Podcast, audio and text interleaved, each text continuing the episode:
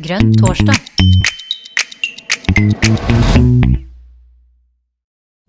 Velkommen til Grønn torsdag. I dag er jeg, Jon Lurås, i redaksjonen, og jeg skal snakke med Natalia Golis, som, er, eh, som har meldt sitt kandidatur til leder av MDG. Det skal jo være et valg som følge av at Une Bastholm plutselig trakk seg. Hva tenker du om det at uh, dette, Natalia? Er du, er du klar for å overta plassen til Une?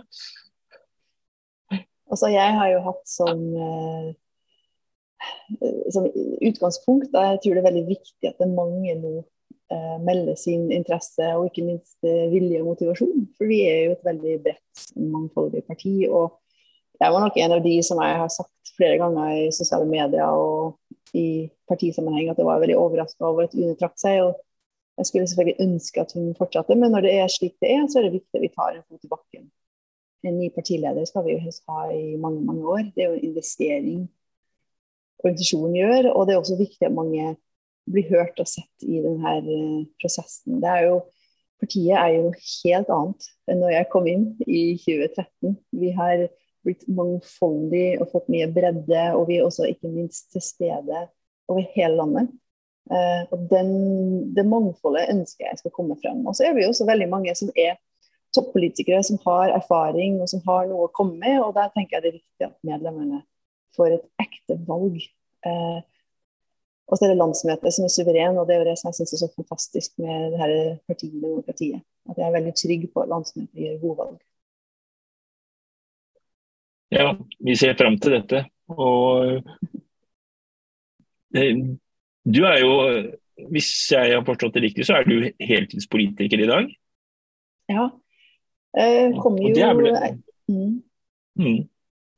Og det er, jo, eh, det er jo ikke mange i MDG som har den erfaringen. Vi er jo blitt flere, men i forhold til de andre partiene så er vi jo nesten ingen. Men Mm.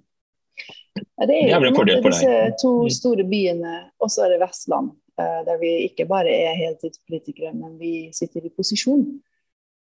Og så er det noe med forskjellen på parlamentarisme og formannskapsmodellen at vi jeg sitter jo i ledelsen for, for en ny region som heter Vestland, og det er, bare, altså det er jo bare noe helt annet. Etter to perioder i eh, opposisjon så vokser gruppa jevnt og trutt, og vi er, til, og vi er til stede i alle utvalg og har politikk på alle områder. Og det har vært en utrolig bratt og flott læringskurve. Jeg på en måte har tilegnet meg mye av den kunnskapen og erfaringen med å jobbe i politikken som jeg tror man bare kan få gjennom å sitte midt i smørja. Den der, eh, diplomatiet og kompromisset, og det er jo seks partier vi sitter i posisjon med, som er ganske bred i, i, i spennvidde. Og det å evne å manøvrere og til syvende og sist skape realpolitisk endring. Jeg er så utrolig stolt av den jobben vi har gjort. og Kanskje fordi jeg har fått gjort mye av den type politikk som jeg elsker mest. Da, er å sette retning, som er å mobilisere, som er å sikre at andre kan gjøre jobben sin på et, et grønt grunnlag. Da. Eh, er utrolig stolt av det. Og det er jo, den erfaringen er veldig dyrebar, og den har vi ikke mye av. Husk at de andre partier har 18 ordførere og 18 stortingsrepresentanter opp gjennom årene og masse kollektiv erfaring de kan trekke av. Og jeg mener at vi i MDG eh, bør være flinkere til å trekke av de erfarne politikere vi har, og, og bruke de eh, også internt. Så eh, jeg var jo svært begeistra for å bli valgt inn i sentralstyret. Det er jo, er jo noe jeg har ønsket lenge. Og det å være heltidspolitiker er jo en helt ny verden. Det vet sikkert du alt om. Det å ikke bare jobbe på kjøkkenbenken eh, etter klokka ni om kvelden. Det er jo en, en åpenbaring av, av muligheter som jeg, jeg mener vi har fått til da, i Vestland. Mm. Spennende. Eh, Er det Altså, vi trenger jo altså, Den dagen MDG kommer i posisjon, så vil vi jo måtte gjøre det du nå faktisk opplever. Vi kommer jo ikke til å være rent flertall. Vi må forholde oss til noen andre. Og den erfaringen Jeg merker jo det med de andre partiene, hvor gode de er på en del ting der. Og da kommer vi ofte litt kort akkurat på det Mm. håndverkssida, men vi, blir, vi, er jo blitt bedre og fått flere som da har den erfaringen. Men uh, det er jo Vi ligger litt på etterskudd der, men det skulle jo bare mangle. Vi er jo, vi er jo stifta i 1988. Og Venstre ble vel stifta i 1888 eller 1884 eller et eller annet sånt. Så. Ja. Men jeg, jeg, tenker at vi, vi, vi, tar også med oss noe inn i politikken som jeg håper MDG sitt omdømme bygger videre på. Noe av det vi har fått til her i Vestland, er jo dette samarbeids- og, og partnerskapsomdømmet eh, vårt. Der vi er, altså vi er en foretrukket samarbeidspartner. Det er ikke slik at eh, nei, vi må samarbeide med MDG for de kommer på vippen. Det, vi vil samarbeide med MDG, for de er dyktige, de har høy integritet, de er, de er gode på det håndverket, gode på kompromiss. Og De er opptatt av resultatet, og ikke minst så har vi også vist evne til å prioritere hvilke saker som er viktigst for oss. Og Det vil alltid være slik at vi prioriterer annerledes enn Ap. Men så spiller vi hverandre god. Og det er jo kanskje noe av det som også gjør meg mener jeg, til en, en interessant kandidat også til partiledelsen. Det er den evnen til å inngå i dialog også med eksterne. For jeg mener at vi i MDG har eh, en stor utfordring. og det er at De som skal gjøre jobben for oss, er ikke det offentlige, men det er det private næringslivet og industrien. Det er de som skal lose oss gjennom den store energiomstillingen. Og så skal vi selvfølgelig sikre at uh, alle reguleringene og insentivordningene og verktøyene er til stede. Eh, som de ikke er i dag. Eh, men det er jo ikke vi som skal ta risikoen. Det er ikke vi som er styrelederen som sitter i, i strategisamlingen med de ansatte og skal eller daglig leder som skal jobbe med hvordan vi satser på nye markeder. Eh, vi har ikke ansvaret for 300 ansatte på verftet. Og det, det, å kjenne på kroppen den uroen og den risikoen man må ta, da må man også vise at man forstår industrien, forstår nettverkene, uh, har empati da, for den jobben som skal gjøres, og ikke bare står på sidelinjen og forteller andre hva de skal gjøre. Så, og Det har vi fått til uh, i Vestland. og Det betyr at vi nå har en pga. MDG da, en sånn superambisiøs nullutslipp 2030-mål som de store, store industriaktørene heier mest på. Hvorfor gjør de det? Jo, fordi vi har skapt eh, medspillerrollen. Eh, de trenger oss, og, vi trenger de. Så det er kanskje noe det jeg bringer til bordet, da. Jo. Mm. Nei, du uh, har jo over tid vist at uh, du er sterkt engasjert knytta eh, opp mot næringslivet. og Jobba for og internt også i MDG øke bevisstheten på hvor viktig næringslivet er uten et næringsliv så har vi jo ikke jobb, og da har vi jo ikke noe Og det er jo også da viktig. Et grønt skifte. Nå, nå får jeg alltid litt dårlig smak i munnen jeg bruker det begrepet, for det, er jo blitt litt uh, altså Meningsinnholdet der vel, er vel ikke akkurat der vi ønsker, men uh, sånn som du ordlegger deg nå i forhold til hvordan dere har jobba i Vestland, så kan man vel si at det kanskje har et bedre innhold enn det har nasjonalt. da. Eh, men eh, hva er grønn næringslivspolitikk, da, Natalia? Mm. Hva er egentlig det? Mm. Nei, altså det er jo det vil jo til enhver tid være en avveining av Nå jobber vi veldig sterkt med bærekraftsmålene. Da. Og bærekraft i alle ledd er jo en utrolig utfordrende sak. Men fordi EU er så på ballen og norske bedrifter ser at altså De ser jo at deres konkurransekraft ute i markedet er jo helt avhengig av at de forstår disse kravene. Eh, så mye av det grønne næringslivet er å gå inn i de forskjellige nivåene av leddene nedover ikke sant, i leverandørene. og så er du Leverer du renholdstjenester, så har du også et ansvar å gå inn i de forskjellige leverandører og leddene og se hvor du får dine artikler fra. ikke sant? Så det er noe med å på en måte vise til at det går an å bli bedre og bedre og bedre. Og det er ikke noe som skjer fra ett år til en annen. Det er ikke det at det fins eh, totalt svart næringsliv og, og, grønt næringsliv. Altså Grønne arbeidsplasser eksisterer jo i dag og blir etablert hele tiden. Og så må vi alltid selvfølgelig ha et forbedringspotensial på hvor er det rå, råvarene kommer fra, hvordan transporterer vi ressursene, finnes det andre måter å tenke på eh, forbrukstjenester. Eh, Særlig knyttet til f.eks. ting som ikke er dyppedutta. men som er kultur og, og opplevelser osv. Men det som jeg syns er spennende, er jo at mye av det handler om at man stiller tidlig nok krav. Uh, og jeg har ikke opplevd en sånn frykt for grønnvasking eller hva det nå skulle være. Fordi folk er jo folk, altså Industrien og næringslivet opplever jeg er oppriktig opptatt av at de skal være ærlige og skal selge det de har på et ærlig grunnlag. Og så er det selvfølgelig noen ting som bare må fikses, type utslipp fra aluminiumsproduksjon. Den, den karbonfangsten må man bare sikre blir gjort. Uh, og så er jeg veldig opptatt av at vi i samband med disse reglene som kommer nå internasjonalt, at vi også ser det sirkulære i det. Og det, Norge er jo helt elendig på det. Og jeg ser at man er konstant på jakt etter hva betyr det Hva betyr det å være sirkulær. Uh, Istedenfor å deponere det, levere det til avfall, er det, er det noe som naboen har lyst på. Og den her Grønn region Vestland-satsingen vår da, er jo veldig basert på en sånn at det finnes noe som heter en hub. Og Der foregår det masse spennende og masse spennende industri og masse små leverandører osv. Og, så videre, og, så og så begynner man å bruke hverandres ressurser. Din spilleforme kan jeg bruke til min eh, akvakultur. Din avfall er min ressurs. Og man tenker mye mer regionalt. Så et grønt næringsliv er det å tenke sirkulært, det å tenke kanskje regionalt i måten du får flytte ting på. Uh, og så er det selvfølgelig også å tenke at i bunn og grunn så skal det du gjør, kunne holde i 200 år. Og hvis ikke det har 200 år uh, rett til levetid i 200 år, så tenker jeg da må man heller revurdere hvordan vi gjør det. Så det å stemple at noen industrier er svart, eller noen er grønn eller noen er gul, det tenker jeg er litt uhensiktsmessig. Men det at vi alle har et, et ansvar å både kutte utslipp, da tenker jeg både klimagasser, forurensning, avfall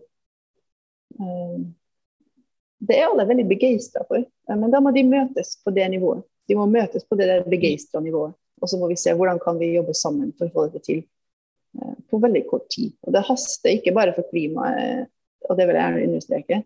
Det haster ikke bare for at vi skal ha et felles ansvar for å også skape løsninger som kan eksporteres. Teknologiske løsninger, f.eks. Men det haster faktisk for næringslivet eh, i Norge, i AS Norge, som er så neddopa og mett på olje og gass. Som har så lite fleksibilitet på å få tak i nye folk. Vi er jo bare x antall millioner mennesker som kan jobbe innenfor forskjellige bransjer. Og det kommer til å være en, en, nedgangstid i Norge hvis ikke vi begynner å få flere bein å stå på ganske raskt. Den anerkjennelsen den begynner man å få i Vestland. Og Vest må aldri undervurdere Vestland, for hvis ikke Vestland lykkes i denne omstillingen, så lykkes ikke Norge. Det, det er jeg 100 eh, sikker på, fordi at vi har så mye av den inntekten nå. Uh, som må erstattes på en eller annen måte i antall arbeidsplasser. Så holdbarhet på produkter, det er, det er en veldig viktig del av uh, mm. Grønn næringspolitikk. Og så var, nevnte jo noen ting flere, men uh, hvis vi får bedre holdbarhet, så vil vi jo også få et det ligger vel nesten i det at vi da også vil få et mindre forbruk. Vi, vi vil jo slippe da å kjøpe samme tingen om igjen og om igjen fordi at den er gått i stykker. Og, det er jo eh, en litt for stor andel av, av tingene som eh, vi kjøper for mye av, som da kommer eh, transportert langveisfra fra et sted det er billig å produsere. Altså, Kina har jo vært et eksempel, men det er jo, det er jo flere steder som det er billig å mm produsere. Så vi, må jo komme oss vekk fra det her bruk og kast som da involverer billig transport. Da. Og det, Men det er klart at er, det mindre, er det en mindre global verden? Er det det? Nei, det tror jeg ikke i det hele tatt. Norge vil jo aldri være selvforsynt med Gore-Tex-jakker og møblement og nye kraner til kjøkken. Og Det tror jeg ikke er det som er formålet. Men formålet er at man skal produsere ting som har lengre holdbarhet, som du sier. Det er jo det er også en sånn uh, fordelingsansvar, det også. Det er dyrt å være fattig hvis du må kjøpe nye vintersko hvert eneste år for at de blir slitt ut, istedenfor å kjøpe ordentlige vintersko kanskje til og med lokalt produsert i Norge, hva, hva vet jeg, men som varer i ti år. Det er noe med at det, det økt forbruk er jo også fordi vi har lavere kvalitet på det vi kjøper. Og jeg tror ikke det blir mindre globalisering eller handel. Handel er jo viktig av flere grunner. Handel er fordi vi ikke har kompetanse eh, til å produsere biler i Norge. Eller bybaner. Eller eh, hva det nå skal være av den type ting vi eh, importerer.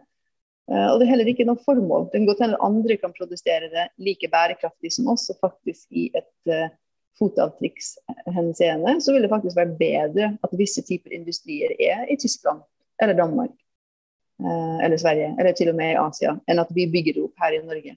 Så Vi må ikke tro at alt det som skjer i utlandet er nødvendigvis verre enn det vi klarer selv. Så jeg tror at det å ha en god internasjonal avtale på hvem produserer hva, uh, særlig innenfor alt innenfor eh, matsikkerhet eller skipsteknologi, må du se på det er fordeler og ulemper. Men at, det, at, Norge må begynne å produsere mer sjøl, det brenner jeg veldig for. Da særlig da innenfor skipsfart. Altså, det er ingen grunn til at våre skip skal produseres i Tyrkia. Eh, det har vi, der har vi en jobb å gjøre. Mm.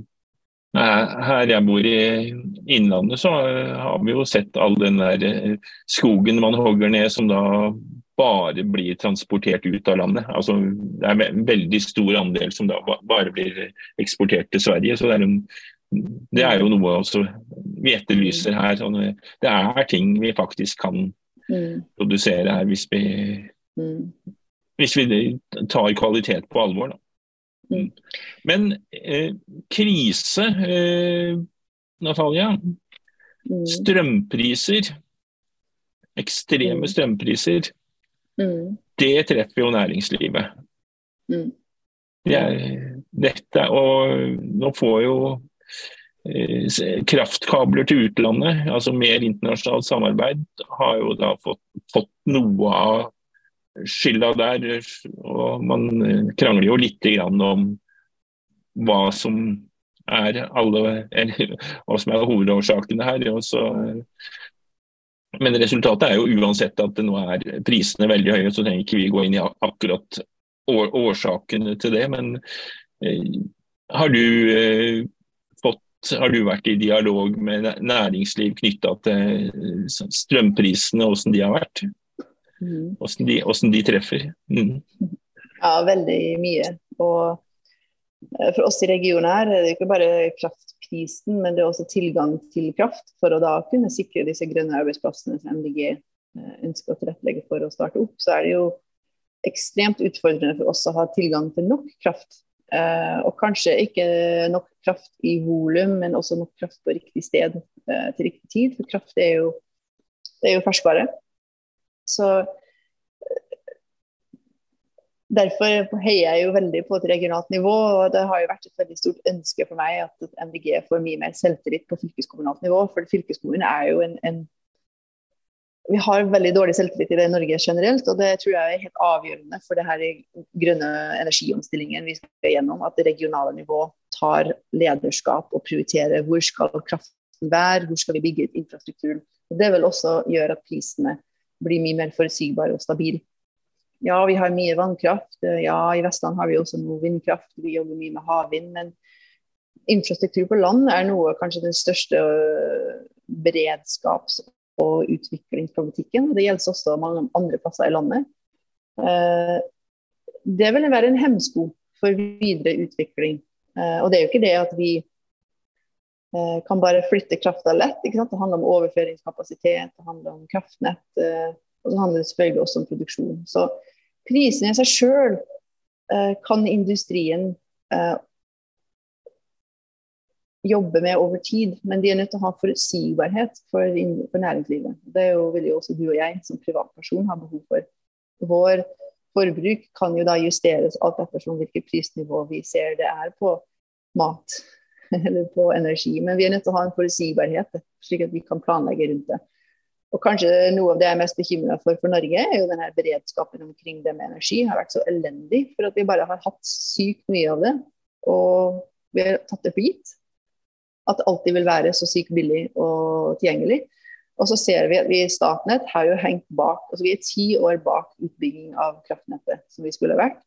I tillegg så har vi nok sett at vi ikke har produsert nok fornybar strøm fort nok. Så der tror jeg vi kommer Vi har jo en kø bare i, i Sør-Norge. Vi har en kø på mange, mange, mange terawatt på industri som rett og slett ikke kan etablere seg og bidra til den omstillingen vi ønsker, fordi det er ikke tilgang på nok kraft. Så Strømprisene de går opp og ned. Nå ser vi at strømprisen her i sør har jo stupt de siste par dagene. Eh, men hvordan skal vi sikre forutsigbar nok strøm? Det, det er min største bekymring, og noe vi har jobba med ganske, ganske, tett på nå i, i mange måneder. Mm. Så eh, hvis jeg da hører riktig, eller tolker riktig, så er det, det er leveringssikkerhet er viktigere enn nøyaktig pris. Altså, Selvsagt den der ekstreme variable prisen er jo et problem, da, men eh, de, man vil tilpasse seg til et høyere prisnivå. Det vil, det vil eh, industrien også greie. Også, mm. Ja, altså vi har jo Tolker det riktig, da. Mm. Ja, jeg oppfatter at fastprisavtaler for industrien er jo kjempeviktig. Um, mm. Og at den fastprisavtalen skal være høyere enn kanskje det har vært. Det, det tror jeg det kan være. Men når vi ser konkurransekraft ute i Europa, så har vi fortsatt veldig billig strøm. Så det er jo ikke det. Men vi har hatt denne fordelen med billig strøm. Um, så tilgangen til strøm er nok en større utfordring akkurat nå eh, enn prisen. Uh, og tilgang til strøm er noe som må jobbes med på lang sikt. Det er et beredskapsansvar. Det tar jo ti mm. år å bygge ut et godt nok kraftnett. så den uansett eh, hvem som er i regjering nå og hvem som blir i regjering neste gang, så bør jo det være en av de største utfordringene. Og da, det blir spennende, fordi at det vil jo da utfordre vår, eh, vår lyst på å da si ja til fornybar energi i ditt eget nabolag. Ikke sant? Er det um, Ja. Er, er, det Hvem er det som skal til Hvem er det som skal tillate at det bygges uh, kraftlinjer Eh, hvem, hvilken eh, kommune er det som kommer til å si ok, det er viktig allikevel for fellesskapet. Så det er liksom som med veibygging. ikke sant? Alle vil ha dem, men ingen vil ha dem helst gjennom hagen.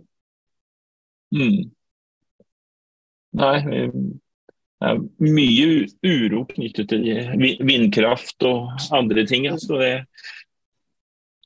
det, blir, det, blir, det blir spennende å se hvordan folk oppfatter dette framover. Men jeg, jeg tenker det, det, viktige her er å ta, det viktige er å ta politisk lederskap, og det har jeg savna nasjonalt gjennom mange regjeringer i denne energikrisen vi er i. Og Det er jo det man tar lederskap og forteller hvorfor er det nå viktig f.eks. å bygge ut ny kraftproduksjon. Det, det, er det ingen som har vært modig nok til å gjøre. fordi den historiefortellingen er kjempeviktig. Og nå har ikke vi gule vester i Norge eh, enda.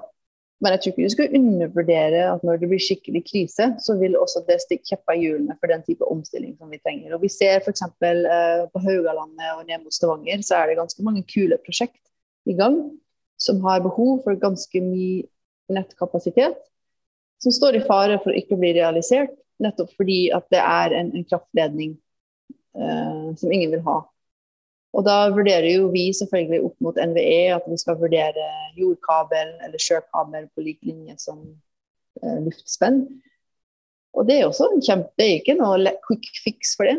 Det er også store store inngrep på jordkabel. Eh, sjøkabel vet vi har jo Havforskningsinstituttet også sagt, det er ikke bare bare. Så det er noe med å hele tiden avveie hva som er viktig for overordna samfunnsutvikling, og så være politisk modig nok til å fortelle folket dette er viktig. Litt sånn som i pandemi.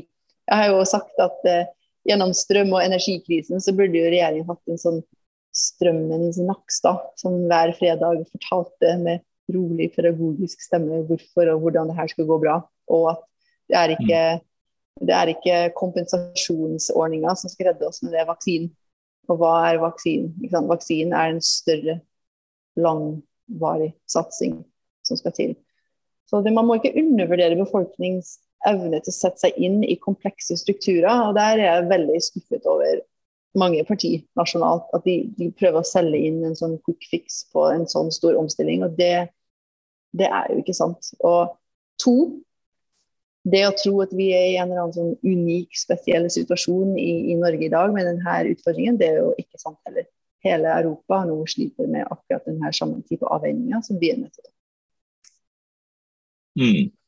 Politisk lederskap ikke bare kommer i enkle løsningene. altså folk altså, Jeg hørte et sitat fra en 80 år gammel mann som hadde begynt å stemme MDG. og Han eh, sa det at MDG var partiet som snakka til folk som voksne. Altså, ja. ikke, ikke kom med den enkle, enkle løsningen. Altså, det, vi har utfordringer. og mm. Jeg er så enig. og det å undervurdere at folk ikke kan ta inn over seg nyanser og kompleksiteter og også motstridende eh, hensyn. Altså, ta bærekraftsmålene. Vi jobber jo veldig tett opp mot bærekraftsmålene på alle nivå. Og det å være modig nok til å si at vet du hva, noen bærekraftsmål slår den andre i hjel. Hvis du satte virkelig på den, så kan det hende at den går utover en annen eh, negativt. Men det er en sånn trappetrinn du går. Og noen ganger så går det litt ujevnt. Og det å være ærlig på det, det tror jeg er kjempeviktig. Sånn sett så har jo den type ærlighet, mener jeg, gitt mer evne til å inngå kompromiss enn å bare hardt mot hardt. Og så det er den sterkeste som vinner. For det er noe med å få med seg folket også.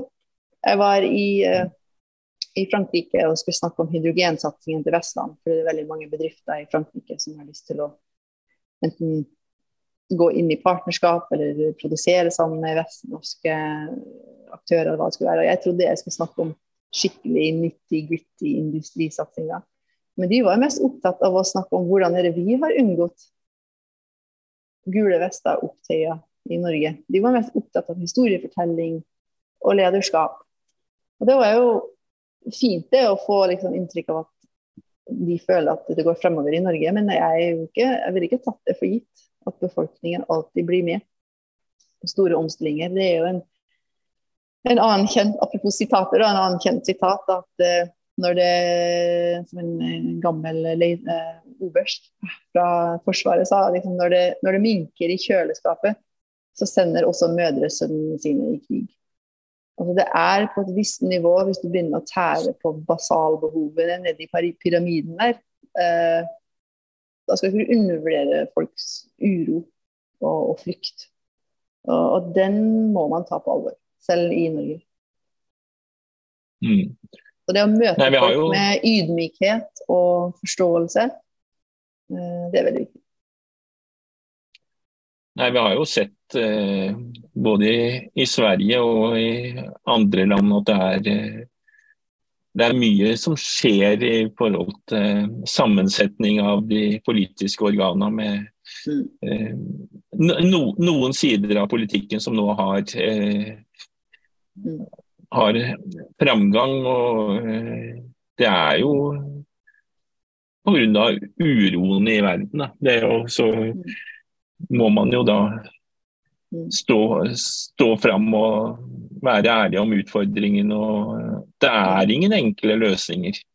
Mm. Altså, og så tror jeg man kan, man kan likevel ha tydelige meninger. F.eks. nå gjorde vi i Vestland et, et ganske progressivt fremoverlent vedtak der vi ønsker å se på hvilke type støtteordninger tiltak vi kan tilby papirløse i regionen vår. Som er jo en totalt glemt eh, gruppe i Norge, og Norge har blitt kritisert flere ganger av FN for å bryte de menneskerettighetene disse menneskene har. I Vestland er det ikke så mange, da. Vi har nok ca. 130. Men fy fader, det var, det var røre i en mørk gryte uh, av uro og, og, urettferdighet og til dels også rasisme og fremmedfrykt. Og til å begynne med så skjønte man jo at ja, dette kom fra visse typer grupper eller det kom fra visse typer politiske fløyer. da, Men i ettertid så har jeg skjønt at dette er faktisk en reell uro mange har. Det er noe med at hvis ikke jeg skal få tilgang til lege eller fastlege, hvorfor skal den andre få det? Primærhelsetjeneste. Uh, hvis jeg ikke har råd til kollektiv, hvorfor skal den andre få tilgang til kollektiv? Altså, det er noe med å Solidaritet er jo noe som må læres. Solidaritet med resten av verden eller solidaritet med naboen er akkurat den samme type verdi. og Den må tilegnes over tid, og den må opplæres. Og Der har også vi politikere et kjempeansvar å ikke spille grupper opp mot hverandre. Altså, mennesket er et menneske uansett. Og den type menneskeverd skal vi verdsette. Og jeg har i hvert fall fått en enorm ydmykhet for den frykt som mange innbyggere har. Og man skal ikke snakke nedsettende om den frykten. For den eh, Ja, rasisme skal man ta tak i om vi skal være antirasistisk aktivt. Men mange er bare urolig. Um, på et personlig plan da, så kan jeg dele at uh, jeg har ikke snakka med faren min siden 2015, valgkampen 2015. Og han har jeg vokst opp med og har hatt et godt forhold til. Og plutselig så endret min far seg etter han fikk tilgang til internett. Han var en hyggelig kar, amerikaner, vokste opp i California. Sikkert litt sånn, altså veldig sånn konservativ i oppvekst og sånn, men så snart han fikk tilgang til internett, fy fader, da var det bare rett nedi kaninhullet og forumer og bekreftelse på kanskje litt sånn underliggende rasistiske trekk som aldri hadde fått utløp. Og så etter 2015-valgkampen så sendte han meg en melding og sa han ville ikke ha mer kontakt med meg. For han var veldig uenig i min politikk, og han mente at jeg var til skade for Europa. Og, og det, det, er min egen far. Liksom. Tenk, det. Tenk det hvor nært sånne type holdninger kan ligge. Da må vi huske på at sånne type holdninger kommer ikke ut av intet. De er kulturelle, mm. og de er basert på frykt og uro. Og vi har et ansvar å ta tak i den uroen og berolige og ta ledelse. Og ikke bare kjefte og snakke ned og si at du har ikke forstått noe. Så mm. den type ledelse, den, den, ser jeg veldig frem til at vi også får på nasjonalt plan i, i, neste regjering. Det får vi satse på. Eh, hvis vi går til det partiet, da, MDG. Eh, vi hadde jo en eh, stortingsvalgkamp som vi endte opp med 3,95 eller hva det var for noe. som var, var bare noen mm. få stemmer unna det å greie den såkalte sperregrensa. Og mm. Evalueringa i ettertid der, den ble jo omtalt av noen som sjølpisking og sånn. Og litt enkelt sagt så var det vel det at vi var for smale og mm. vi var for skarpe. Eh, det var jo litt flere elementer der, men det, det, er i hvert fall eh, noe som er trukket fram i ettertid. Eh, om du eh, da kommer inn, hva tenker du da? Er det viktige ting, hvordan vi framstår i media?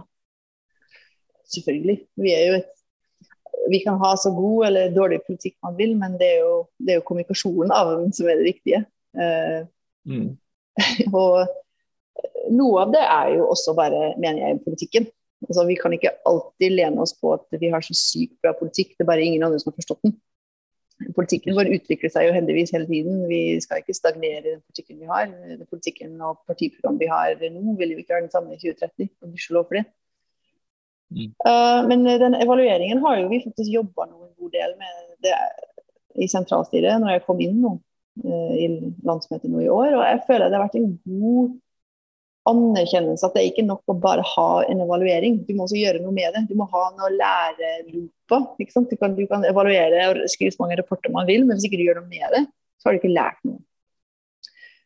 Og Det er jo kanskje det jeg er mest bekymra for. At vi, vi, vi, sjekker av på noen bokser, og så går livet videre fordi vi har daglig drift, og nå kommer det enda en valgkamp, og vi blir revet med. og så Hvis ikke vi har lært noe av det, så kommer vi til å forbli et stabilt 3,9% parti under sperregrensen. Og det kan gå ned at det er et mål i seg sjøl. Vi har jo vist med ekstremt tydelighet at selv med det, så sitter vi i ledelsen noen plasser. Eh, og ikke minst så bidrar til vi evner, vi evner å endre det offentlige ordskiftet. Så uten tvil. Men det var særlig den valgkampen i fjor som var så smertefull. For at vi fikk alt servert på et sølvfat. Uh, men vi evnet ikke å overbevise at vi var styringsdyktige. Vi evnet ikke å overbevise at vi også kunne ivareta helhetshensynet. Um, så var, jeg, jeg, var veldig skuffet, det må jeg innrømme. Og jeg er kanskje en av de som mener at uh, hvis ikke vi gjør de her store endringene med kommunikasjon, med en slags mye mer sånn pragmatisk forhold til ting, så kommer vi til å forbli på, på 3,9. Og Det er derfor også den her eh, nye kabalen til, leder, uh, til ledelse er i seg selv en kjempeviktig diskusjon i partiorganisasjonen, uavhengig av hvem som blir. Altså uavhengig av hvem som nå blir ny partileder. Så har vi tatt diskusjon, og det tror jeg er utrolig fruktbart for partiet. Så sånn sett så mener jeg denne ledervalgkampen har vært en enorm glede. Eh, og det har jeg også sagt når jeg stilte også som nestleder, at det å bli bedre kjent med hva som knaker i sømmene, det å høre hva folk savner, det er jo noen omforent ønske om å være et bredt folkeparti på sikt. Hvordan i helsike skal vi komme oss dit? Jo, det handler om evne til kommunikasjon og bredde. Så jeg tenker MDG har hatt en, et, et tungt eh, tid etter valgkampen, men har likevel kommet styrket ut av det hvis vi evner å implementere disse lærepunktene videre. Så jeg tenker også historisk sett, jeg må bare tilføye til slutt, at eh, vi må huske på at det går fremover uansett. Historisk så går grafen riktig vei. Og man må, man, jeg er jo så begeistra for denne langtidsstrategien. Jeg elsker jo langtidsstrategien. Jeg er veldig nerd på regional plan. Du setter retning, du bygger stein på stein. Du bygger eh, f.eks. i en region, du bygger byråkratiet som har den kompetansen til å gjennomføre det over tid. Den langtidsstrategien må MDG ha. Vi må evne å bygge organisasjonen internt. Vi må ta vare på våre ansatte, slik at de Vi ser at det finnes en morgendag etter valget òg. Og der har vi nok svikta på mange nivåer. Fordi vi i MDG er så ideologisk styrt, og vi har så masse energi, og vi jobber 100 timer i uka i valgkampen. Og så glemmer vi at vi skal fortsette å gå på jobb etter valgkampen òg. Kanskje du kan få fri frem til sånn tolv dagen etter valget. Men du må fortsatt komme på jobb og begynne å jobbe igjen. Og det som har skjedd, er at vi blir veldig fort utbrent som kollektiv organisasjon. For vi, har, vi setter inn hjerte og sjel i alt det vi gjør, og så glemmer vi at kanskje målet skal være 2033. Altså, Målet skal være at vi har et såpass sterkt fundament at ikke vi mister folk på veien. Um, så det, det, ser jeg frem til, uansett hvem som blir ny partileder. At vi, vi evner å bygge organisasjonen stabilt og ta vare på folka våre. Eh, ellers så tror jeg ikke vi har sjans, rett og slett. Men fra eh, din posisjon både da å sitte i Vestland og å sitte i sentralstyret, eh, mener du at det er en, at du ser endringer? Eller I partiet, mener du? Ja, åssen vi framstår? Ja, det syns jeg. Altså, nå er jo vi i Vestland og i andre plasser i Norge i dag òg, eh, så er vi en foretrukket samarbeidspartner. og Det er jo det som er målet mitt. Vi skal være styringsdyktige og foretrukket og ha Vi skal både være ambisiøse og mobiliserende samtidig som vi er til å stole på når det gjelder eh, styring og kontroll, som Arbeiderpartiet er så begeistra for. Styring og kontroll. Det, det, føler jeg. Og det kommer jo av erfarenhet. Og det er jo viktig å huske på når vi nå skal bygge laget frem mot 2025 så mener jeg at det er de lokale folkevalgte som skal stille på de stortingslistene, må jo være de som har bygd seg opp kredibilitet over mange, mange år. Slik at når de står på lista, så vil folk tenke wow, vedkommende kommer jeg til å stemme for i lokalvalget og i stortingsvalget. For at den personen den har vist enorm innsikt og stamina og, og forståelse for hvordan det er å være her jeg bor.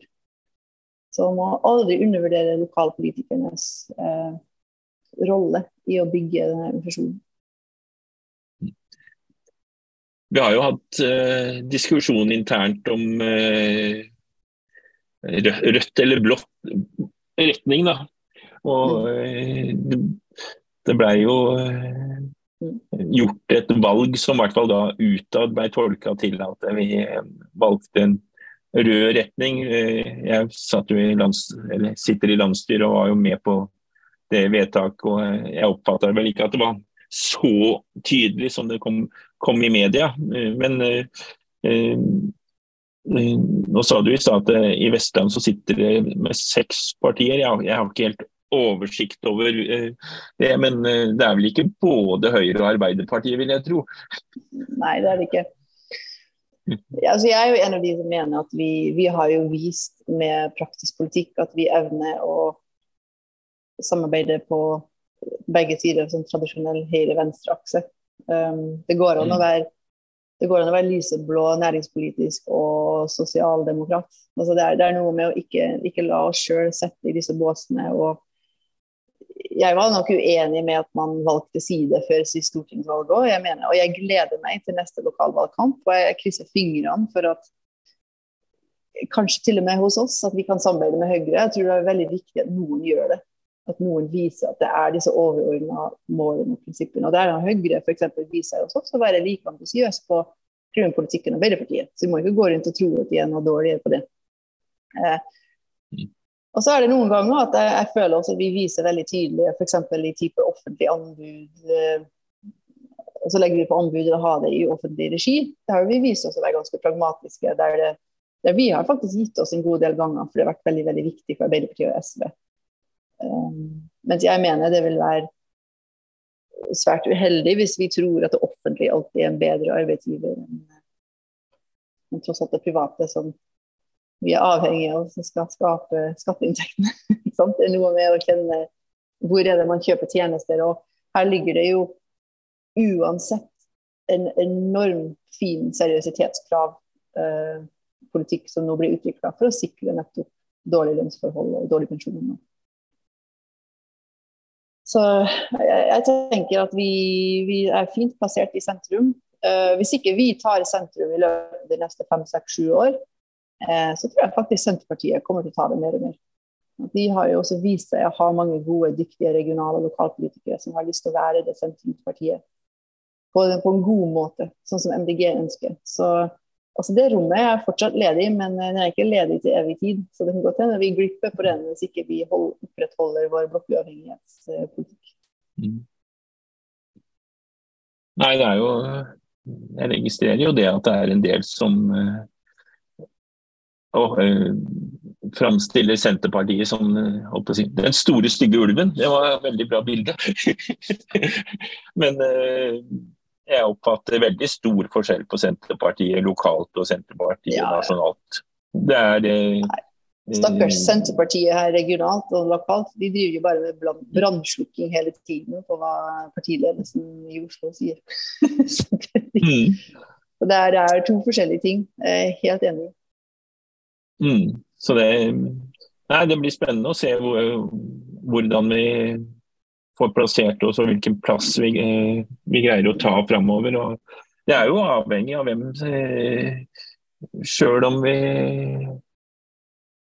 har hatt litt diskusjoner rundt om vi skal ha leder og hvor hierarkiske vi skal være. og sånn, Men den, den, debatten er vel i hvert fall landa for en stund. Så har vi en hierarkisk organisasjon, og vedkommende på toppen har noe å si det er jo vedkommende som vil dukke opp i partilederdebatter og mm. få ekstra plass i media. Så det er jo viktig, en veldig viktig posisjon. Da. Så veldig, dette blir jo Veldig viktig. Mm. Jeg er helt enig. Og det har vært noe av det jeg har vært mest begeistra for for Une. da, Hennes evne til å være så empatisk og, og raus. Og hun representerer hele partiet. Det har jeg alltid kjent. Det var jo hennes uh, hennes evne til det har vært helt fantastisk. Mm. Mm. Når jeg var inne på Une, så eh, det å komme i den skvi, skvisen med barn og altså tidsklemma og Hun er jo ikke den eneste som har kjent på det. Jeg vet ikke hvordan Nei, jeg tror, alle, jeg tror alle kjenner på det. Alle har jo en, mm. Eh, en jobb og eh, noen har familie, noen har eh, gode venner, noen har uh, fritidsaktiviteter, noen har helsa. Man skal jo helst trene litt i gang iblant, har jeg hørt.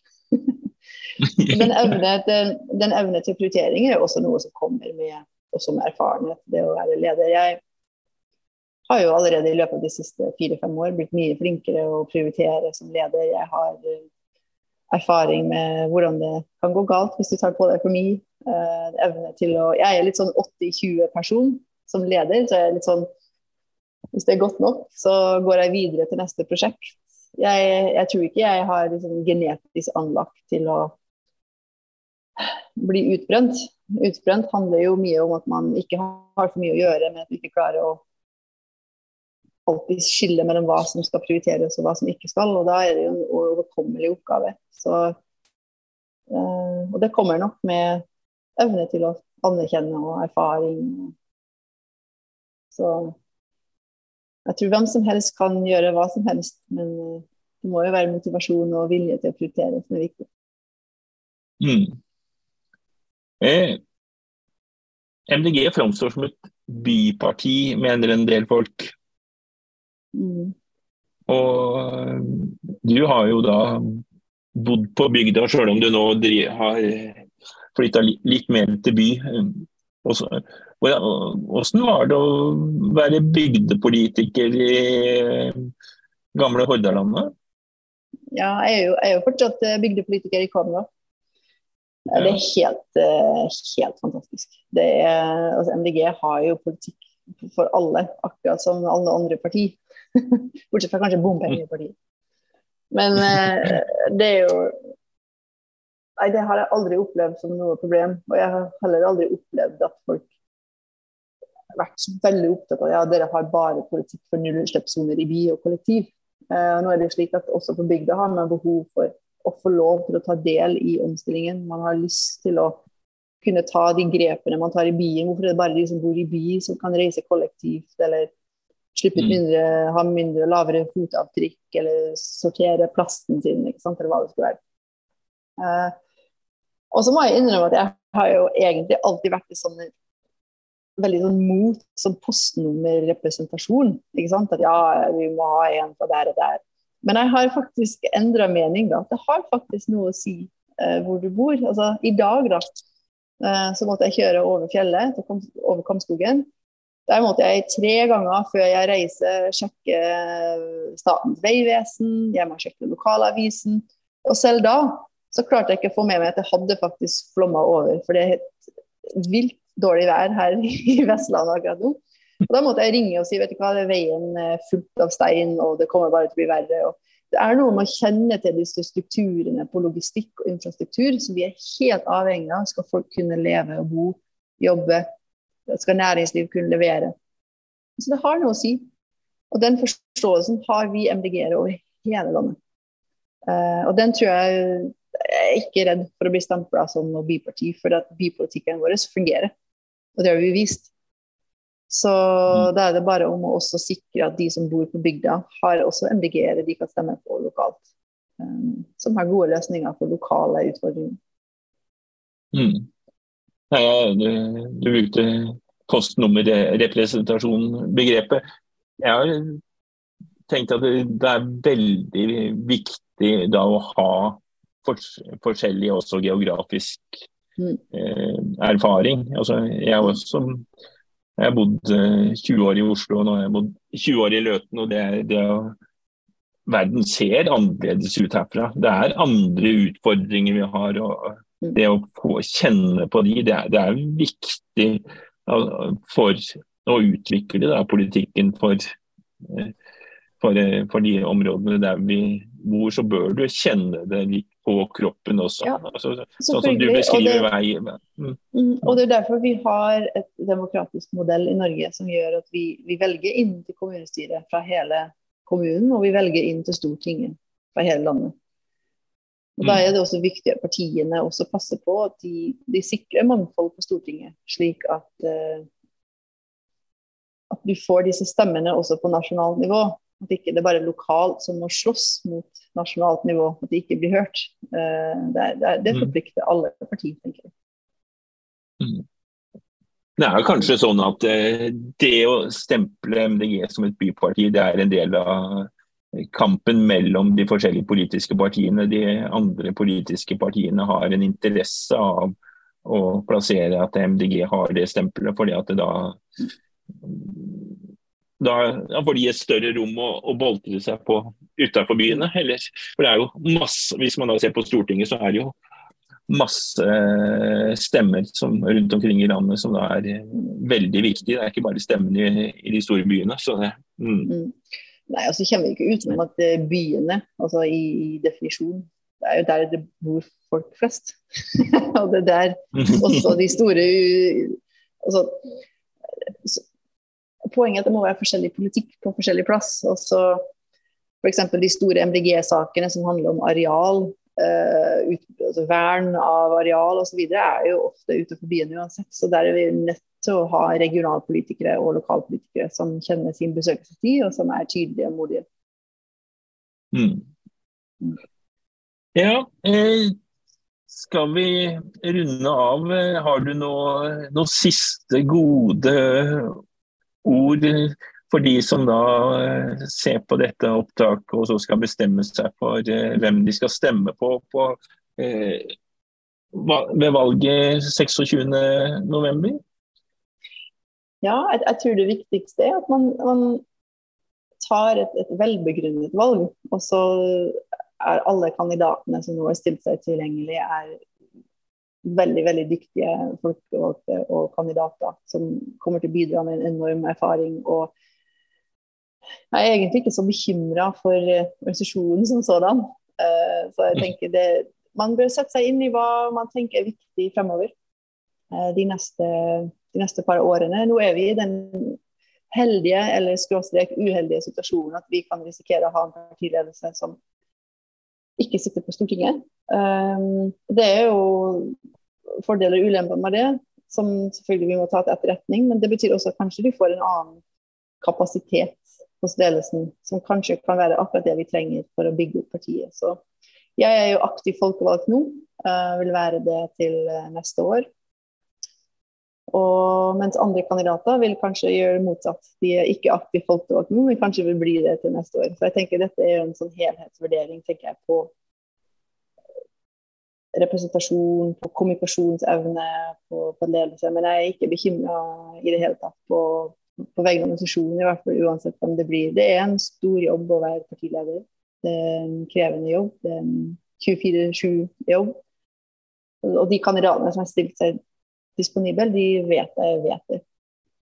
Så jeg håper i hvert fall at vi gjennom denne kandidatpresentasjonene og diskusjonene også har blitt styrket som lag. Da. Og kanskje flere kan kjenne seg igjen. At uh, det finnes andre måter å være MDG-politiker enn innenfor den boksen her. Det er veldig veldig viktig for meg at alle, alle kan og bør melde seg på hvis de har lyst til å være med på denne eh, reisen. For vi trenger alle på dekk. Så jeg stiller meg disponibel. Eh, jeg vet at jeg hadde gjort en, eh, en super jobb, og jeg vet også at jeg kommer til å bli med videre uansett i sentralstyret. Så, så er jeg som sagt toppmotivert for ett år igjen i det jeg selvfølgelig mener Norges mest fremoverlente grønne region. så jeg gleder meg uansett hva, hva fremtiden byr. Så jeg, jeg, mitt grønne prosjekt vil jeg jo ta med meg uansett hvilken rolle jeg tar på meg de neste kommende årene. Takk, Natalia. Eh, da får vi se hva valgkomiteen innstiller på, og så får vi se hva Eh, om du er i den kabalen, og om du vil utfordre fram mot eh, det ekstraordinære landsmøtet, det, det vil tida vise. Spennende. Veldig hyggelig å snakke med deg. Og så får du fortsatt ha en, fortsatt ha en fin dag i regnet og blåsten på Vestlandet. Mm. Tusen hjertelig takk. Også hvis dere har noen spørsmål, dere som hører på, så må dere selvfølgelig bare sende meg en melding. Mm. Lav terskel. OK, tusen takk, Jo.